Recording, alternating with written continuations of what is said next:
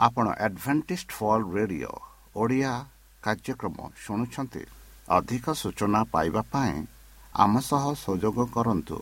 ଏକ ଆଠ ଶୂନ୍ୟ ଶୂନ୍ୟ ଆଠ ତିନି ତିନି ଦୁଇ ଦୁଇ ତିନି ଏକ କିମ୍ବା Bible at the rate of A W R dot O R G ଏହା Adventist world radio voice of hope ଜୀବନଧାରା।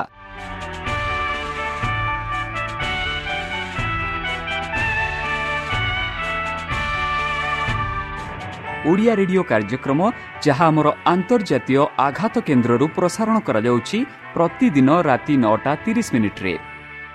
ମୁଁ ସୁବ୍ରତ କୁମାର ପତି ପ୍ରେମର ସହ ଆପଣମାନଙ୍କୁ ଏହି କାର୍ଯ୍ୟକ୍ରମକୁ ସ୍ୱାଗତ କରୁଅଛି। ଚାଲନ୍ତୁ ଆଜିର ତିରିଶ ମିନିଟ୍ର କାର୍ଯ୍ୟକ୍ରମ ବିଷୟରେ ଜାଣିନେବା। ପ୍ରଥମେ ରଖିଛୁ ଆଧ୍ୟାତ୍ମିକ ଭକ୍ତିମୟ ଗୀତ। ଏହାପରେ ଶୁଣିବା ସ୍ୱାସ୍ଥ୍ୟ ବିଷୟରେ ଯାହା ଆମର ଦୈନିକ ଜୀବନରେ ଅତ୍ୟନ୍ତ ଜରୁରୀ। ଆଉ ପରିଶେଷରେ ଶୁଣିବା ପରମେଶ୍ୱରଙ୍କ ଭକ୍ତଙ୍କଠାରୁ ଜୀବନଦାୟକ ଈଶ୍ୱରଙ୍କ ବାକ୍ୟ। ପ୍ରିୟ ଶ୍ରୋତା ତାହେଲେ ଚାଲନ୍ତୁ ଶୁଣିବା ଏକ ଆଧ୍ୟାତ୍ମିକ ଭକ୍ତିମୟ ଗୀତ। ଏହାପରେ ଶୁଣିବା ସ୍ୱାସ୍ଥ୍ୟ ସୂଚନା।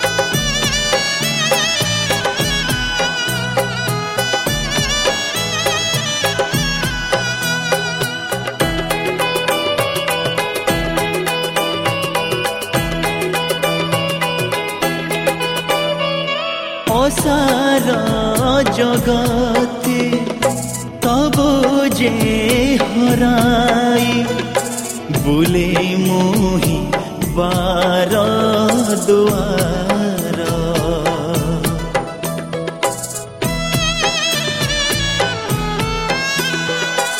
অসার জগতে তব যে হরাই বুলে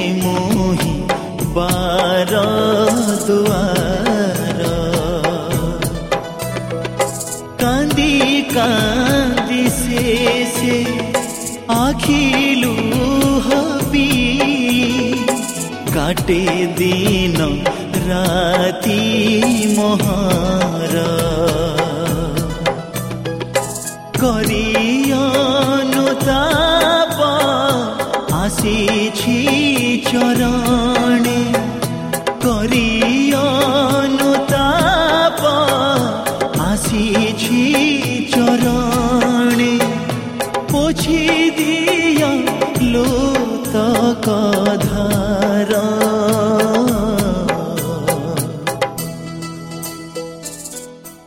ଆପଣଙ୍କର ମତାମତ ଜଣାଇବା ପାଇଁ ଆମର ଏହି ଠିକଣାରେ ଯୋଗାଯୋଗ କରନ୍ତୁ ଆମ ଠିକଣା Adventist media centre SDA mission compound Salisbury park Pune ଚାରି ଏକ ଏକ ଶୂନ ତିନି ସାତ ମହାରାଷ୍ଟ୍ର ବା ଖୋଲନ୍ତୁ ଆମର ୱେବସାଇଟ୍ ଯେକୌଣସି android phone smartphone desktop laptop କିମ୍ବା ଟ୍ୟାବ୍ଲେଟ୍ ଆମର website W W W dot A W R dot O R G slash O R I ବର୍ତ୍ତମାନ ଚାଲନ୍ତୁ ଶୁଣିବା ଈଶ୍ୱରଙ୍କ ଭକ୍ତଙ୍କଠାରୁ ଈଶ୍ୱରଙ୍କ ଜୀବନଦାୟକ ବାକ୍ୟ। ଆପଣ କେତେ ଦେୟ ଦେବେ। ନମସ୍କାର ପ୍ରିୟ ଶ୍ରୋତା। ସେହି ସର୍ବଶକ୍ତି ସର୍ବଜ୍ଞାନୀ ପ୍ରେମର ସାଗର ଦୟାମୟ ଅନ୍ତର୍ଜମୀ ଅନୁଗ୍ରହ ପରମ ପିତାଙ୍କ ମଧୁର ନାମରେ ମୁଁ ପାଷ୍ଟ ପୂର୍ଣ୍ଣଚନ୍ଦ୍ର ଆଉ ଥରେ ଆପଣମାନଙ୍କୁ ଏହି କାର୍ଯ୍ୟକ୍ରମରେ ସ୍ୱାଗତ କରୁଅଛି। ସେହି ସର୍ବଶକ୍ତି ପରମେଶ୍ୱର ଆପଣଙ୍କୁ ଆଶୀର୍ବାଦ କରନ୍ତୁ। ଆପଣଙ୍କୁ ସମସ୍ତ ପ୍ରକାର ଦୁଃଖ କଷ୍ଟ ବାଧା କ୍ଲେଶ ଓ ରୋଗରୁ ଦୂରେଇ ରଖନ୍ତୁ। ଶତ୍ରୁ ସୟତାନ ହସ୍ତରୁ ସେ ଆପଣଙ୍କୁ ସୁରକ୍ଷାରେ ରଖନ୍ତୁ। ସେହି ପରମେଶ୍ୱର ଆପଣଙ୍କର ସମସ୍ତ ମନୋକାମନା ପୂର୍ଣ୍ଣ କରନ୍ତୁ। ତାହାଙ୍କ ପ୍ରେମ ତାହାଙ୍କ ସ୍ନେହ ତାହାଙ୍କ କୃପା ତାହାଙ୍କ ଅନୁଗ୍ରହ ସଦାସର୍ବଦା ଆପଣଙ୍କଠାରେ ସହବର୍ତ୍ତୀ ରହୁ। ପ୍ରିୟ ସଦା ଚାଲନ୍ତୁ। ଆଜି ଆମ୍ଭେମାନେ କିଛି ସମୟ ପରମେଶ୍ୱରଙ୍କ ଜୀବନଦାୟକ ବାକ୍ୟ ଆଲୋଚନା କରିବା। ଆଜିର ଆଲୋଚନା ହେଉଛି ଆପଣ କେତେ ଦେୟ ଦେଇ ବା ଦେଇପାରିବ ବା ଦେବ? ବନ୍ଧୁ ଯେପରିକି ଲୁକ ଅଠର ଚଉଦରେ ଆମେ ପାଉଛୁ ଯିଏ ନିଜକୁ ଉନ୍ନତ କରିବ ସେମାନେ ବିନମ୍ର ହେବେ। କିନ୍ତୁ ଯେଉଁମାନେ ନିଜକୁ ନମ୍ର କରିବେ ସେମାନେ ଉଚ୍ଚ କୋଠରୀରେ ହେବେ। ବନ୍ଧୁ ଦୁଇଟା ପଦ ଆମେ ଦେଖୁଅଛୁ ଏଠୁ। ବିନମ୍ର ନମ୍ର। ଯିଏ ନିଜକୁ ଉନ୍ନତ କରିବ ସେମାନେ ବିନମ୍ର ହେବେ। କିନ୍ତୁ ଯେଉଁମାନେ ନିଜକୁ ନମ୍ର କରିବେ ସେମାନେ ଉଚ୍ଚ କୋଟିରେ ହେବେ। ଗତ ଯେପରି ଆମେ କେତେ ଦିନ ଧରି ଦୃଷ୍ଟାନ୍ତ ଗୁଡ଼ାକ ଦେଖୁଅଛୁ ସେଇ ଦୃଷ୍ଟାନ୍ତରେ ଆମେ ଅନେକ ଶିଖିଅଛୁ। ବନ୍ଧୁ ଜୀବନର ସବୁଠାରୁ ମୂଲ୍ୟବାନ ଆବିଷ୍କାର ଯାହାକି ଅଠରଶହ ସତର ସତଚାଳିଶ ମସିହାରେ ସ୍କଟଲ୍ୟାଣ୍ଡର ଡାକ୍ତର ଜେମ୍ସ ସିମ୍ସନ୍ ଆବିଷ୍କାର କରିଥିଲେ ଯେ କୋପରମକ୍ ଅନଷ୍ଟିକ୍ ଭାବରେ ବ୍ୟବହାର କରାଯାଇପାରେ। ଯାହା ଦ୍ୱାରା ରୋଗୀମାନେ ଯନ୍ତ୍ରଣାମୁକ୍ତ ଅସ୍ତ୍ରୋପଚାର କରିବା ସମ୍ଭବ ହୁଏ। ଅନେକ ଡାକ୍ତର ଅନୁଭବ କରିଥିଲେ ଯେ ଏହା ସେମାନଙ୍କ ସମୟରେ ଔଷଧ ସବୁଠାରୁ ଗୁରୁତ୍ୱପୂର୍ଣ୍ଣ ସଫଳତା ଥିଲା। ଏହାର କିଛି ବର୍ଷ ପରେ ଡକ୍ଟର ସିମ୍ସନ୍ ଏରିନବର୍ଗ ବିଶ୍ୱବିଦ୍ୟାଳୟରେ ଭାଷଣ ଦେଇଥିଲେ। ଜଣେ ଛାତ୍ର ତାଙ୍କୁ ପଚାରିଲେ ଯେ ସେ ତାଙ୍କ କ୍ୟାରିୟରର ସବୁଠାରୁ ମୂଲ୍ୟବାନ ଆବିଷ୍କାର କ'ଣ ଭାବୁଛନ୍ତି? ଅବଶ୍ୟ ସମସ୍ତେ ଆଶା କରିଥିଲେ ଯେ ଡକ୍ଟର ସିମ୍ସନ୍ କ୍ଲୋରୋଫର୍ମ ବିଷୟରେ ଉଲ୍ଲେଖ କରିବେ। କିନ୍ତୁ ସେ ଉତ୍ତର ଦେଲେ ମୋର ସବୁଠାରୁ ମୂଲ୍ୟବାନ ଆବିଷ୍କାର ସେତେବେଳେ ହୋଇଥିଲା ଯେତେବେଳେ ମୁଁ ନିଜକୁ ପାପି ବୋଲି ଆବିଷ୍କାର କଲି। ଏବଂ ଯୀଶୁ ଖ୍ରୀଷ୍ଟ ମୋର ରକ୍ଷାକର୍ତ୍ତା ବୋଲି ମୁଁ ଆବିଷ୍କାର କଲି। ନମ୍ରତାର ଏଭଳି ମନୋଭାବ ଖ୍ରୀଷ୍ଟିଆନ ଉନ୍ନତିକୁ ପ୍ରୋତ୍ସାହିତ କରୁଥିଲା କରୁଥିବା ବେଳେ ଗର୍ଭ ପ୍ରଭାବ ପ୍ରଭାବଶୀଳ ଭାବରେ ଆମର ଆଧ୍ୟାତ୍ମିକ ବିକାଶକୁ ଅଟକାଇବା କିମ୍ବା ନଷ୍ଟ କରିବ। ବନ୍ଧୁ ଆମେ ଯେପରି ଅଧ୍ୟୟନ କରୁଥିବା ଉଦାହରଣ ଗୁଡ଼ିକ ଆମକୁ ଗର୍ଭ ଏବଂ ଏହାର ମୂଲ୍ୟ ବିଷୟରେ ଗଭୀର ଭାବରେ ଅନୁଧ୍ୟାନ କରେ ଯେଉଁଥିରେ ଯେଉଁମାନେ ସମସ୍ତ ଦେବାକୁ ଉଚ୍ଚତ ଇଚ୍ଛୁକ ଅଟନ୍ତି। ତୁମ୍ଭେ ଅଧ୍ୟୟନ କରୁଥିବା ବେଳେ ମନେ ରଖ ସେହି ଗର୍ଭ ଲୁସିଫରଙ୍କ ପତନର କାରଣ ହୋଇଥିଲା। ବନ୍ଧୁ ଏବଂ ସେଥିପାଇଁ ଏହା ସମସ୍ତ ପାପର ମୂଳ ଅଟେ। ଏହା ବ୍ୟତୀତ ଯଦି ଆପଣ ଡକ୍ଟର ସିମ୍ସନ୍ ହୋଇଥାନ୍ତେ ତେବେ ଆପଣ ଛାତ୍ରଙ୍କ ପ୍ରଶ୍ନର ଉତ୍ତର କିପରି ଦେଇଥାନ୍ତେ ତାହା ମଧ୍ୟ ଟିକିଏ ବିଚାର କରନ୍ତୁ। ବନ୍ଧୁ ଯଦିଓ ନୟ ସପ୍ତାହରେ ଫରିସିମାନେ ଉଚ୍ଛିତ ଥିଲେ ବୋଲି ଉଲ୍ଲେଖ ନାହିଁ। କିନ୍ତୁ ଯୀଶୁ ଯେତେବେଳେ ଏହି ଦୃଷ୍ଟାନ୍ତ କହିଥିଲେ ସେତେବେଳେ ଯୀଶୁ ସେମାନଙ୍କ ମନରେ ରଖିଥିଲେ। ଏହି କାନିରେ ଫରେସି ହିଁ ଯୀଶୁ ସମ୍ବୋଧନ କରୁଥିବା ଲୋକମାନଙ୍କୁ ଦୁଇଟି ବୈଶିଷ୍ଟ୍ୟର ପ୍ରତୀକ ଥିଲେ। ଧାର୍ମିକତାର ପରିସାୟିକ ଆଇନ ବାଦୀ ଧାରଣା ଏହି ଆଧାରରେ କାର୍ଯ୍ୟ କରୁଥିଲା ଯେ ଏକ ନିର୍ଦ୍ଦିଷ୍ଟ ଆଚରଣ ପ୍ରଣାଳୀକୁ ଅନୁସରଣ କରି ମୁକ୍ତି ଅର୍ଜନ କରିବାକୁ ହେବ। ଏବଂ ଈଶ୍ୱରଙ୍କ ପ୍ରତି ହୃଦୟର ଆବଶ୍ୟକ ଭକ୍ତି ଏବଂ ଜୀବନର ମନୁଷ୍ୟର ଉଦ୍ଦେଶ୍ୟ ଏବଂ ଉଦ୍ଦେଶ୍ୟର ପରିବର୍ତ୍ତନ ଉପରେ ଅଳ୍ପ କିମ୍ବା କୌଣସି ଧ୍ୟାନ ଦିଆଯାଇନଥିଲା ଏହି ଧାରଣା ଯେ ଈଶ୍ୱରୀୟ ଆବଶ୍ୟକତାକୁ ବାହ୍ୟ ଭାବରେ ଅନୁସରଣ କରିବା ହିଁ ଈଶ୍ୱର ପଚାରିଥିଲେ ସେଗୁଡ଼ିକର ଅନୁସରଣ କରିବାର ଉଦ୍ଦେଶ୍ୟ ନିର୍ଶେଷରେ ସେମାନେ ଚିନ୍ତାଧାରା ଏବଂ ଜୀବନଯାପନକୁ କାର୍ଯ୍ୟକାରୀ କରିଥିଲା ବନ୍ଧୁ ଲୁକ ଅଠର ଦଶ ଯାହା ମାନେ କହୁଛୁ ଦୁଇ ଜଣ ଲୋକଙ୍କୁ ପ୍ରାର୍ଥନା କରିବା ପାଇଁ ମନ୍ଦିର ଭିତରକୁ ଯାଇଥିଲେ ସେମାନଙ୍କ ବିଷୟରେ କହୁଅଛି ପ୍ରତିଦିନ ସକାଳ ସନ୍ଧ୍ୟା ବଳିଦାନ ସମୟରେ ପ୍ରାର୍ଥନା ପାଇଁ ସମୟ ଧାର୍ଯ୍ୟ କରାଯାଇଥିଲା। ଲୋକମାନେ କୌଣସି ସମୟରେ ବ୍ୟକ୍ତିଗତ ପ୍ରାର୍ଥନା ପାଇଁ ମନ୍ଦିରକୁ ମଧ୍ୟ ଯାଇପାରୁଥିଲେ। ବନ୍ଧୁ ଲୁକ ଅଠର ବାରରେ ପ୍ରାୟଶ ଦିବସ ବ୍ୟତୀତ ମୋଜାଇକ୍ ନିୟମ ବା ମଉସାଙ୍କ ନିୟମ ଉପବାସ କରିବାକୁ ଆଦେଶ ଦେଇଥିଲା। କିନ୍ତୁ ଫାରିସିମାନେ ନିୟମିତ ଉପବାସ କରୁଥିଲେ ଯାହା ଆମେ ମାଥ୍ୟୁ ଛଅ ଷୋହଳରେ ଦେଖୁଅଛୁ। ଫାରିସି ଭଲ ନାମରେ ନିଜ ସଫଳତା ପାଇ କେତେ ଗର୍ବିତ ଥିଲେ ବନ୍ଧୁ। ନିଜ ଆଧ୍ୟାତ୍ମିକ ପାହାଡ଼ ଉପରେ ଏକାଠି ଠିଆ ହୋଇଥିବା ବେଳେ ତାଙ୍କ ଚାରିପାଖରେ ଗର୍ଭର ଶୀତଳ ପବନ ଘୁରି ଭୁଲୁଥିଲା କାରଣ ଗର୍ଭକୁ ନିଜ ବ୍ୟତୀତ ଅନ୍ୟ କୌଣସି ଈଶ୍ୱର କିମ୍ବା ସାଥୀ ଦର କାର ନାହିଁ ବୋଲି। ଆଉ ସେଥିରେ ରହିଛି ଗର୍ଭର ପାପ। ଏହା ଆମକୁ ଏକମାତ୍ର ଉତ୍ସାହ ଠାରୁ ଅଲଗା କରିଦିଏ ପ୍ରକୃତ ଧାର୍ମିକତା ଏବଂ ଦୟା ଯାହା ଦ୍ୱାରା ଆମ ପାଇଁ ଅନ୍ୟମାନଙ୍କ ପ୍ରତି ଦୟାଳୁ ହେବା ଅସମ୍ଭବ ହୋଇଯାଏ। ବିଶ୍ରାମ ଦିନ ଶିଖାଇବା ଡକ୍ଟର ସିମସନଙ୍କ ପରି ଫାରିସି ଏପର୍ଯ୍ୟନ୍ତ ଆବିଷ୍କାର କରିନଥିଲେ ଯେ ସେ ଜଣେ ପାପି ଏବଂ ଯୀଶୁ ତାଙ୍କର ରକ୍ଷା ତ୍ରାଣକର୍ତ୍ତା ବୋଲି ସେମାନେ ଦେଖିଲେ ଯଦିଓ ଫାରିସି ଇହୁଦୀ ସମାଜରେ ସର୍ବୋଚ୍ଚ ସ୍ତରର ପରିସ୍ଥିତିର ପବିତ୍ରତାର ପ୍ରତିନିଧିତ୍ୱ କରୁ କରନ୍ତି ବୋଲି ବିବେଚନା କରାଯାଉଥିଲା। ଟିକସ ସଂଗ୍ରହକାରୀ ସର୍ବନିମ୍ନ ଚିତ୍ରଣ କରିଥିଲେ ଇହୁଦୀମାନେ ରୋମିଓ ନିର୍ବାଚନ ଏବଂ ଜମି ଟିକସ ଆଦାୟ କରିଥିବା ସେମାନଙ୍କ ଐତିହାସିକ ଲୋକମାନଙ୍କୁ ବହିଷ୍କାର କରିଥିଲେ କାରଣ ନିର୍ବାଚନ ଟିକସ ପୈଠ କରିବା ରୋମିଓ ଅଧିକାର ପାଇଁ ଏକ ରିହାତି ଥିଲା। ଯେତେବେଳେ କି ଜମି ଟିକସ ପୈଠ କରିବା ଈଶ୍ୱରଙ୍କ ପ୍ରତି ଅପମାନ ଥିଲା ଯାହାକୁ ସେମାନେ ଏହି ଜମିର ଏକମାତ୍ର ମାଲିକ ବୋଲି ବିଶ୍ୱାସ କରୁଥିଲେ।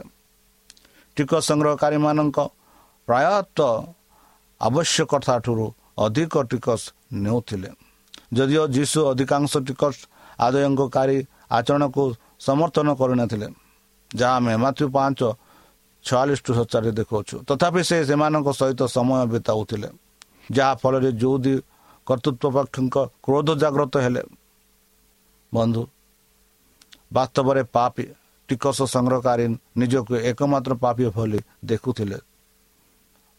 ପ୍ରଥମ ତିମତି ଏକ ପନ୍ଦର ଟୁ ସତର ପଢ଼ନ୍ତୁ।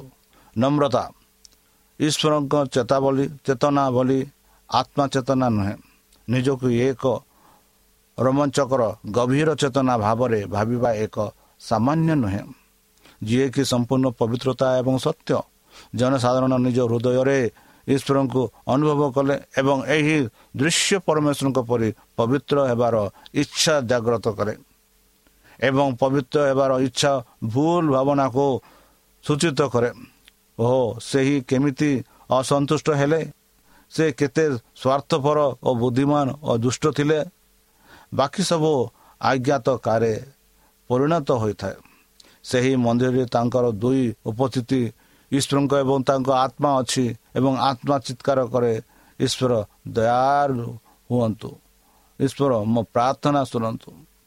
ବନ୍ଧୁ ଯୁକ୍ତ ଯୁକ୍ତ ଲୁକ ଅଠର ଚଉଦ ରୋମିଓ ଚାରି ଏଠୁ ଆଠ ଯଦି ଆମେ ପଢ଼ିବା ତାଠୁ ତିତସ ତିନି ପାଞ୍ଚରୁ ସାତ ଯଦି ଆମେ ଦେଖିବା ଏହାର ଅର୍ଥ ହେଉଛି ଧାର୍ମିକ ଘୋଷଣା ଏବଂ ନୂତନ ଜନ୍ମ ଅନୁଭୂତିର ଆତ୍ମାର ଉପହାର ପ୍ରାପ୍ତ କରିବା ଅର୍ଥରେ ଧାର୍ମିକ କରିବା ଜଣେ ସାଧାରଣର ନିଜକୁ ଜଣେ ପାପି ବୋଲି ଜାଣିଥିଲେ ଯାହା ଜାଣିଥିଲେ ଏବଂ ଏହି ଅନୁଭବ ପରମେଶ୍ୱର ପାଇଁ ତାଙ୍କୁ ପାପହୀନ ଘୋଷଣା କରିବାର ବାଟ ଖୋଲି ଦେଇଥିଲା ଜଣେ ପାପି ଯିଏ ଈଶ୍ୱରୀୟ ଦୟା ଦ୍ୱାରା ଯୁକ୍ତିଯୁକ୍ତ ଥିଲା। ନିଜ ପ୍ରତି ଏବଂ ପରମେଶ୍ୱରଙ୍କ ପ୍ରତି ଦୁଇ ଜଣଙ୍କର ମନୋଭାବ ହଁ ପାର୍ଥକ୍ୟ ସୃଷ୍ଟି କରିଥିଲା। ବନ୍ଧୁ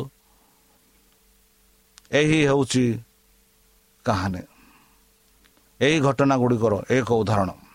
ଯେଉଁଥିରେ ଯୀଶୁଙ୍କ ବିଜୟୀ ପ୍ରବେଶ କରିଥିଲା। ଅସୁସ୍ଥ ଆରୋଗ୍ୟ ସହିତ ମନ୍ଦିର ଦ୍ୱିତୀୟ ସଫେଇ ଏବଂ ମନ୍ଦିର ଅଦାଲତରେ ତାଙ୍କର ବର୍ତ୍ତମାନର ଶିକ୍ଷା ଅନ୍ତର୍ଭୁକ୍ତ ଥିଲା।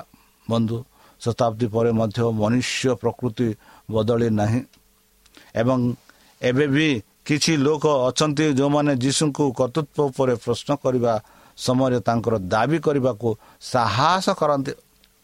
ଜଣେ ବ୍ୟକ୍ତି ଏଭଳି ମନୋଭାବ ପାଇଁ କେତେ ଟଙ୍କା ଦେଉଛି ତାହା ଜାଣେ ନାହିଁ। ଜାଣିବା ପାଇଁ ଦୃଷ୍ଟାନ୍ତରେ ଥିବା ଦୁଇ ପୁତ୍ରଙ୍କ କଥା ଓ ଆଚରଣକୁ ଅଧିକ ଗଭୀର ଭାବରେ ଅନୁଧ୍ୟାନ କରନ୍ତୁ।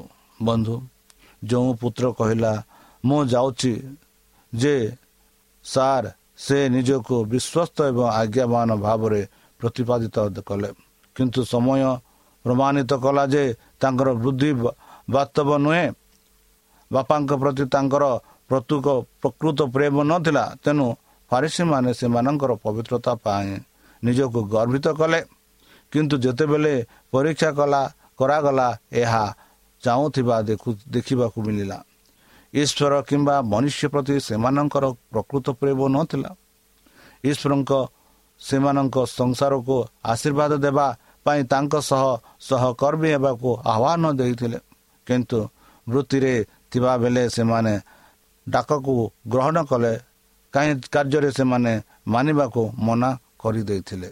ବନ୍ଧୁ ଆତ୍ମା ଧାର୍ମିକତା ପ୍ରକୃତ ଧାର୍ମିକତା ନୁହେଁ।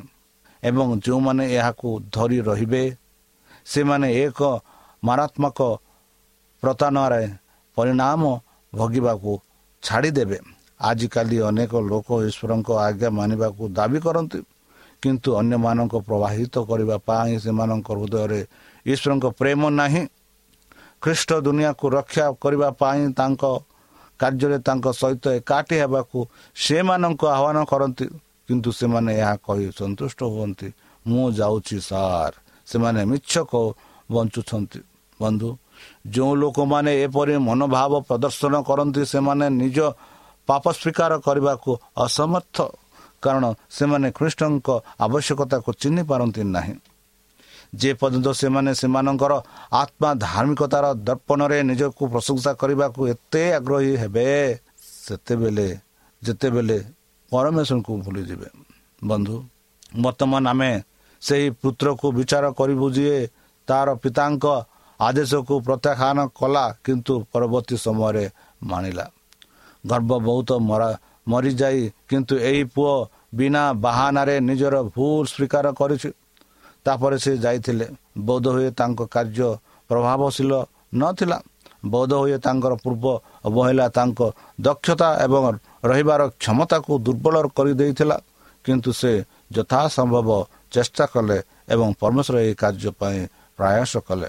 ବନ୍ଧୁ ଟିକସ ସଂଗ୍ରହକାରୀ ଏବଂ ବେଶିଆମାନେ ସମସ୍ତ ସାମାଜିକ ଏବଂ ଧାର୍ମିକ ବିଚ୍ଛିନ୍ନତାର ପ୍ରତୀକ ଅଟନ୍ତି। କିନ୍ତୁ ଯୀଶୁ କହନ୍ତି ଯେ ଏପରି ଲୋକମାନଙ୍କ ପାଇଁ ଅଧିକ ଆଶା ଅଛି।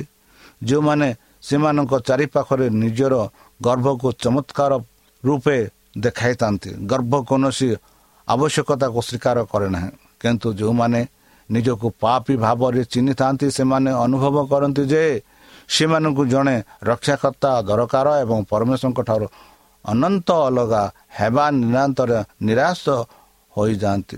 ସେମାନେ ତାଙ୍କୁ ଜବାବ ଦିଅନ୍ତି ଯିଏ କହିଛନ୍ତି ଯିଏ ମୋ ପାଖକୁ ଆସିବ ମୁଁ କେବେ ବି କେବେ ବି ଗାଡ଼ି ଚଲାଇବି ନାହିଁ। ବନ୍ଧୁ ଉଣେଇଶହ ଅଣତିରିଶ ମସିହାରେ ଏହାର ଉତ୍ତକ୍ଷପଣ ଠାରୁ ଆରମ୍ଭ କରି ଚାଳିଶ ବର୍ଷ ପରେ ଅବସର ନେବା ପର୍ଯ୍ୟନ୍ତ ରାଣୀ ମେରି ସମୁଦ୍ରରେ ଯାତାୟାତ କରୁଥିବା ସର୍ବବୃହତ ଜାହାଜ ଥିଲା। କାଲିଫର୍ଣ୍ଣିଆର ଲିଙ୍କ ବିଚ୍ରେ ଥିବା ଏକ ଭାସୁଥିବା ହୋଟେଲ ଓ ମ୍ୟୁଜିୟମରେ ପରିଣତ ହେବା ସମୟରେ ଶ୍ରମିକମାନେ ଏହାର ତିନୋଟି ବିଶାଳ ଧୂଆଁ ଗଦାକୁ ରଙ୍ଗ କରିବା ପାଇଁ ବାହାରିଥିଲେ। କିନ୍ତୁ ଯେତେବେଳେ ସେମାନେ ନିଜ କାମ ଆରମ୍ଭ କଲେ ଗଧା ଗୁଡ଼ିକ ଭୁଷୁଡ଼ି ପଡ଼ିଥିଲା। ଦଶ ଦଶନ୍ଧି ଧରି ଯେଉଁ ସବୁ କିଛି ବାକି ରହିଥିଲା ସେଥିରେ ତିରିଶଟି ରଙ୍ଗର କୋଟ୍ ଲଗାଯାଇଥିଲା। କୋଟ୍ ଟ୍ୟାକ୍ସ ତିଆରି କରିଥିବା ଚାରିରୁ ତିନିରୁ ଚାରି ଇଞ୍ଚର ଇଷ୍ଟତା ସମ୍ପୂର୍ଣ୍ଣ କଲି ଜଲି ଯାଇଥିଲା। ଫାରିସିମାନଙ୍କ ଧର୍ମ ସେହି ଧୂଆଁ ଗଧା ଭଲି ଥିଲା। ରଙ୍ଗର ତିରିଶଟି କୋଠ ଭଲି ସେମାନଙ୍କ ବୃତ୍ତି। ସେମାନଙ୍କ ଥିବା ପବିତ୍ରତା ରୂପ। କିନ୍ତୁ ଗର୍ବ ବହୁ ପୂର୍ବରୁ ସେମାନଙ୍କ ପଦାର୍ଥକୁ ନଷ୍ଟ କରିଦେଇଥିଲା। ବନ୍ଧୁ ଏହି ବାକ୍ୟ ଗୁଡ଼ିକ ସୂଚାଇ ଦିଏ ଦୃଷ୍ଟାନ୍ତ ଏକ କାହାଣୀ ହେବା ଜରୁରୀ ନୁହେଁ। ନିଶ୍ଚିତ ଭାବରେ ଯୀଶୁ ତାଙ୍କର ଉପଦେଶ ବାକ୍ୟକୁ ତାଙ୍କ ଆଖି ଆଗରେ କ'ଣ ଘଟିଥିବା ଦେଖିଥିଲେ ତାହା ଉପରେ ଆଧାରିତ କରିଥିଲେ। କିନ୍ତୁ ବର୍ତ୍ତମାନ ପାଇଁ ତାଙ୍କର କଥାର କୌଣସି ପ୍ରଭାବ ପଡ଼ିନଥିଲା। କାରଣ ଶେଷ ଭୋଜନ ସମୟରେ ମଧ୍ୟ ଶିଷ୍ୟମାନେ ସେମାନଙ୍କ ନେତାଙ୍କ ଉପଦେଶକୁ ତ୍ୟାଗ କଲେ ଯେ ସେମାନଙ୍କ ମଧ୍ୟରୁ କିଏ ସବୁଠାରୁ ବଶିଷ୍ଠ ହେବେ। ଇହୁଦୀ ପରମ୍ପରାରେ କୁହାଯାଉଛି ଯେ ସମ୍ମାନଜନକ ସ୍ଥାନ ଗୁଡ଼ିକ ଆୟୋଜନକ ନିକଟତର ସ୍ଥାନ ଥିଲା। ଜୀବନରେ ସାଧାରଣ ନିୟମ ହେଉଛି ଆମର ନିମନ୍ତ୍ରଣ ଏବଂ ଆମର ସାମାଜିକ ଶକ୍ତିକୁ ବନ୍ଧୁ ଏବଂ ସମ୍ମାନ ହାସଲ କରିବା ପାଇଁ ବ୍ୟବହାର କରିବା। ଯେଉଁମାନେ ଆମର ସାମାଜିକ ଓ ବ୍ୟବସାୟିକ ସ୍ଥିତିକୁ ବଢ଼ାଇ ପାରିବେ ସେମାନଙ୍କୁ ଆମେ ଋଣ ଦେବାକୁ ଚାହୁଁଛୁ। ଦୃଷ୍ଟାନ୍ତ କହିବା ପରେ ଯୀଶୁ ତାଙ୍କ ଆୟୋଜନକୁ ନିର୍ଦ୍ଦେଶ ଦେଲେ ଯେ କେବଳ ସେହି ରୋଗମାନଙ୍କୁ ରାତ୍ରି ଭୋଜନ ପାଇଁ ନିମନ୍ତ୍ରଣ କରନ୍ତୁ ନାହିଁ। ଯେଉଁମାନେ ଉପକାର ପରିଶୋଧ କରିପାରିବେ ବରଂ ଯେଉଁମାନେ ପରିଶୋଧ କରିପାରିବେ ନାହିଁ ସେମାନଙ୍କୁ ମଧ୍ୟ ନିମନ୍ତ୍ରଣ କରିବା ଉଚିତ ବୋଲି ସେ ଘୋଷଣା କରିଛନ୍ତି। ଧ୍ୟାନ ଦିଅନ୍ତୁ ବନ୍ଧୁ ଯେ ଯୀଶୁ ଉଲ୍ଲେଖ କରିଥିବା ଲୋକମାନଙ୍କୁ ନିମନ୍ତ୍ରଣ କରାଯିବା ଉଚିତ।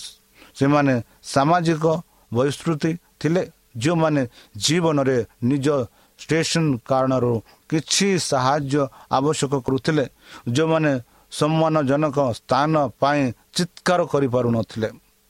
ଗର୍ବ ଏବଂ ନମ୍ରତାର ମନୋଭାବ ଅନ୍ୟ ଲୋକମାନଙ୍କ ସହିତ ଆମେ କିପରି ବ୍ୟବହାର କରିଥାଉ? ବିଶେଷ କରି ସେହି ଲୋକମାନେ ଯେଉଁମାନଙ୍କ ଉପରେ ସମାଜ ପ୍ରାୟତଃ ଆଖି ବୁଝିଥାଏ ଯଦିଓ ଗର୍ଭ ଆମମାନଙ୍କୁ କେବଳ ଲୋକପ୍ରିୟ ଏବଂ ସମ୍ମାନଜନକ ଲୋକଙ୍କ ଠାରୁ ପ୍ରାପ୍ତ ଆନନ୍ଦ ଏବଂ ଲାଭ ଖୋଜିବାକୁ ପ୍ରେରଣା ଦେଇଥାଏ ନମ୍ରତା ଆମକୁ।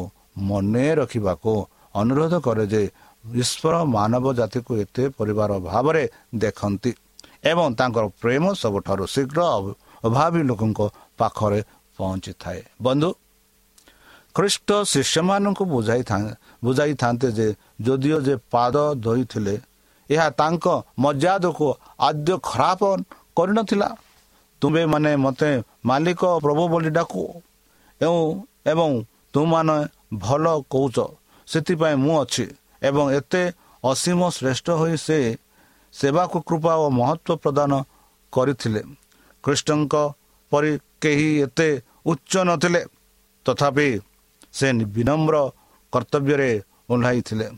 ପ୍ରାକୃତ ପ୍ରାକୃତିକ ହୃଦୟରେ ବାସ କରୁଥିବା ସ୍ୱାର୍ଥପରତା ଦ୍ୱାରା ତାଙ୍କ ଲୋକମାନେ ବିଭ୍ରାନ୍ତ ନ ହୁଅନ୍ତୁ ଏବଂ ଯାହା ଆତ୍ମା ସେବା ଦ୍ୱାରା ସଦୃଢ଼ ହୁଏ ଖ୍ରୀଷ୍ଟ ନିଜେ ନମ୍ରତାର ଉଦାହରଣ ସୃଷ୍ଟି କଲେ ସେ ଏହି ମହାନ ବିଷୟକୁ ମନୁଷ୍ୟର ଦାୟିତ୍ୱରେ ଛାଡ଼ିବେ ନାହିଁ ଏହାର ଏକ ପରିଣାମ ହେଲା ଯେ ସେ ନିଜେ ପରମେଶ୍ୱରଙ୍କ ସମକ୍ଷଣ ହୋଇ ଶିଷ୍ୟମାନଙ୍କୁ ସେବକ ଭାବରେ କାର୍ଯ୍ୟ କଲେ ଯେତେବେଳେ ସେମାନେ ସର୍ବୋଚ୍ଚ ସ୍ଥାନ ପାଇଁ ସଂଘର୍ଷ କରୁଥିଲେ ଯିଏ କି ପ୍ରତ୍ୟେକ ଆଣ୍ଠୁ ମୁଣ୍ଟ ନୁଆଁଇବା ଯିଏ ମରି ମହିମାର ଦୂତମାନେ ସେବା କରିବାକୁ ସମ୍ମାନ ଦିଅନ୍ତି ସେ ତାକୁ ପ୍ରଭୁ ବୋଲି କହୁଥିବା ଲୋକଙ୍କ ପାଦ ଧୋଇଥିବା ପାଇଁ ପ୍ରମାଣ କଲେ ଯେ ସେ ତାଙ୍କର ବିଶ୍ୱାସଘାତର ପାଦ ଧୋଇଥିଲେ।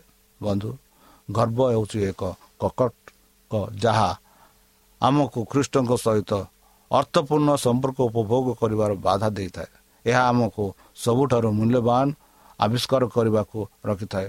ଯେ ଆମର ପ୍ରଭୁ ଏବଂ ରକ୍ଷାକର୍ତ୍ତା ଯୀଶୁ ଖ୍ରୀଷ୍ଟଙ୍କ ନିକଟରେ ଏକମାତ୍ର ସମ୍ମାନଜନକ ସ୍ଥାନ ଅଛି ତାହା ହେଉଛି ନମ୍ର।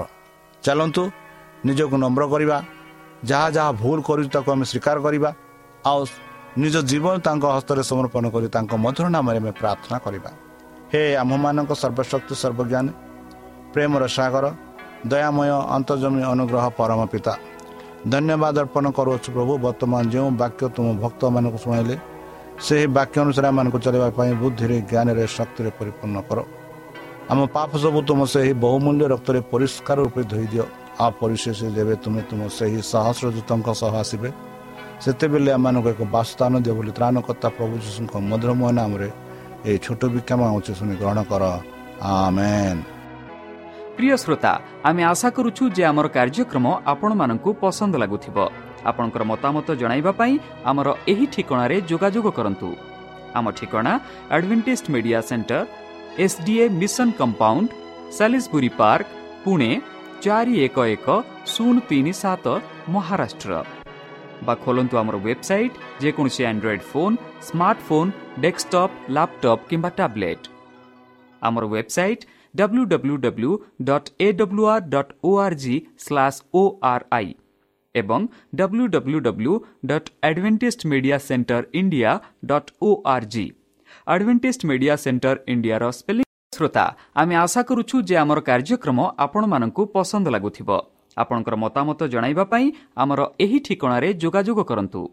ଆମ ଠିକଣା Adventist media centre SDA mission compound Salisbury park Pune ଚାରି ଏକ ଏକ ଶୂନ ତିନି ସାତ Maharashtra.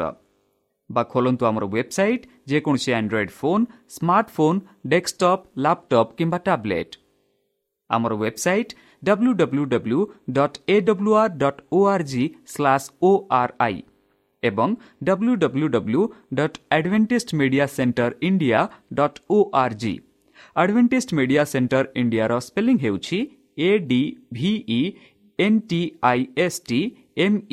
I A C E N T R E I N D I A ଅଥବା ଡାଉନଲୋଡ୍ କରନ୍ତୁ ଆମର ମୋବାଇଲ୍ ଆପ୍ ଆପଣଙ୍କର ମୋବାଇଲ୍ ପ୍ଲେ ଷ୍ଟୋର୍କୁ ଯାଆନ୍ତୁ ଆଉ ଟାଇପ୍ କରନ୍ତୁ ଦ ଭଏସ୍ ଅଫ୍ ହୋପ୍ ଆଉ ଡାଉନଲୋଡ୍ କରନ୍ତୁ ଈଶ୍ୱର ଆପଣଙ୍କୁ ଆଶୀର୍ବାଦ କରନ୍ତୁ ଧନ୍ୟବାଦ